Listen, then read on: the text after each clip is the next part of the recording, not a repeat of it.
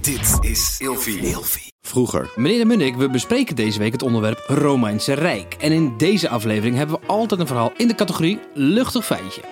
We gaan het hebben over keizer Caligula, die zijn paard tot consul benoemde. Ja, ik vind het ding hoor. Ik Ja, vind het ding. ehm, we hebben het al eerder hebben we een podcastaflevering aan deze gek gewijd. Of in ieder geval, we noemen hem ergens, Hmm. kort. Hij wordt altijd in, in de geschiedenis wordt hij afgeschilderd als een soort... eh ja, Mafkees. ba- Mafkees, Snap ja. ik wel, snap ik wel. Mafklapper. Een on- onwijze, ja, arrogante, cynische, doorgedraaide gek. Hij benoemt zijn paard tot consul. Ja. Dan snap je dat toch? Ja, maar dat was natuurlijk ook gewoon om, om gewoon een hele dikke vinger op te steken naar iedereen om hem heen. Al vanaf jongs af aan waren er altijd intriges. Sowieso, als je keizer bent, moet je gewoon altijd goed uitkijken dat je niet in je rug gestoken wordt. Want ze moorden bij het leven om allemaal in- op een hogere positie te komen. En wat je dus krijgt, is dat hij waarschijnlijk al een, een soort jeugdtrauma heeft meegekregen. Omdat ze continu achter zijn macht aan zitten. Nou, uiteindelijk wordt de beste man keizer. En ja, hij flikt gewoon rare dingen. Hij was Ehm, 37 toen hij keizer werd, toch? ja, Vind ik ja. vrij jong, voor mijn gevoel.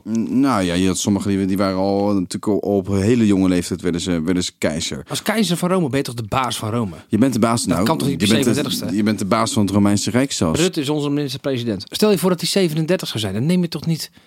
Dat, dat kan toch niet? Hoe oud is Rutte dan? Nou, die zal toch ergens in de 50 zijn? Ja? Ja, Ja, dat Denk denk, je ik niet? ook wel. Denk ik ook wel. kan toch niet? Nee, dat kan niet. Nee, je moet een oude lul zijn om het Romeinse Rijk te Dus jij regeren. bent 37 jaar, je bent keizer van het Romeinse Rijk en je benoemt je paard tot consul. Dan ben je toch een Mongool? Ja, maar oké. ehm, waarschijnlijk eh, eh, heeft hij dus een soort psychische stoornis gehad, waardoor hij aan grootheidswaanzin eh, leidde. Ehm, maar het Maar hoe word je dan keizer? Ja, maar dat zat al in de familie. Hij, het- hij was voorbestemd om keizer te worden. En toen heeft hij daarna heeft hij gewoon al zijn tegenstanders uit de weg laten ruimen. En dan ben je keizer. Zo werkte dat in die tijd. Net zoals tegenwoordig Willem-Alexander en straks Alexia.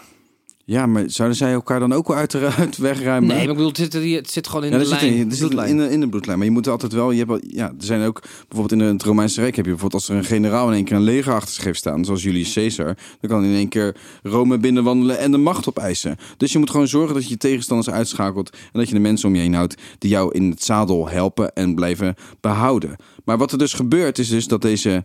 Deze gek, die Caligula. Die ehm, gaat dus ook. eh, heel veel kunst roven en zo. Dus hij maakt zich ook niet echt geliefd eh, onder de, ja, de geschiedschrijvers ook, die daarna over hem gaan vertellen. Want hij jat bijvoorbeeld bij de oude Grieken, jat hij gewoon heel het zaakje leeg. En eh, hij wil eigenlijk alles in zijn eigen paleis hebben. En hij is eh, heel, heel vreed tegenover allerlei andersdenkenden. Maar in die tijd was het toch normaal om oorlog te voeren? En als je dan van kunst houdt, dan begrijp ik je wel. Ja, absoluut. Dus ja, weet je, eh, luchtig feitje, Caligula was gewoon een gek. Tot morgen. Vroeger.